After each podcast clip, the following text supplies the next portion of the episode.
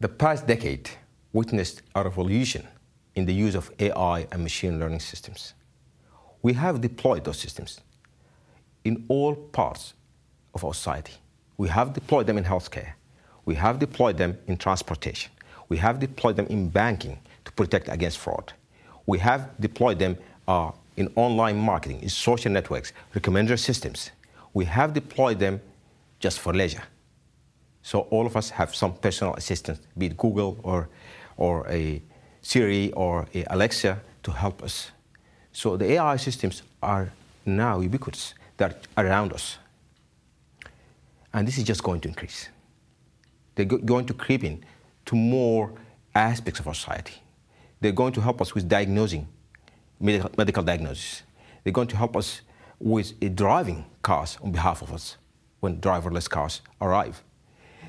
This, so the more we depend on them, the more critical they become to us.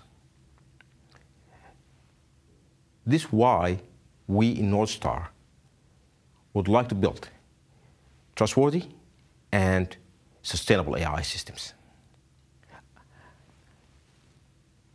Critical systems,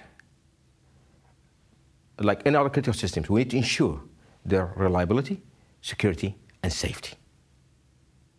And in NordSTAR, we're going to approach this problem from three different angles. So the first one uh, has to do with the communication between AI systems. Today, AI systems are just centralized. So we have a huge uh, processing machine, computer, servers, one place with the data, and they do all the magic for us. In the future, this is going to be more distributed.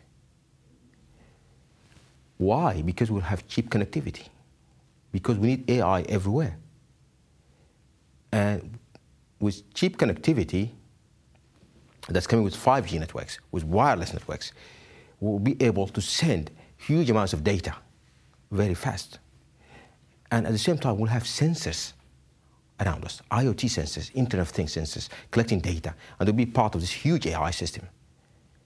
Once this arrives, we need to ensure the integrity of the communication, the reliability of the system.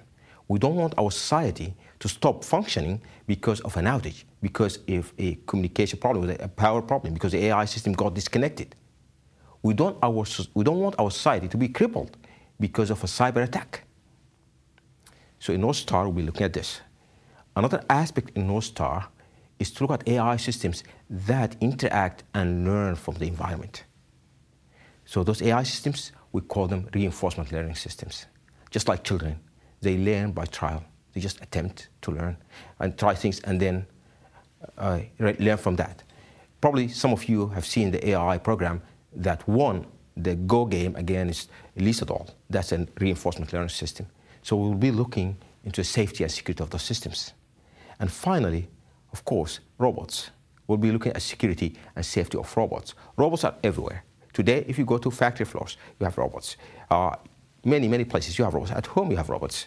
But now this is becoming even more ubiquitous with the pandemic. Robots will be at stores. Robots will be in warehouses. So robots will be, will be, more and more robots around us, less and less invisible like today. So we need to ensure security and safety of the robotic systems. So together, uh, researchers from uh, OsloMet, SimulaMet will be collaborating on tackling those problems.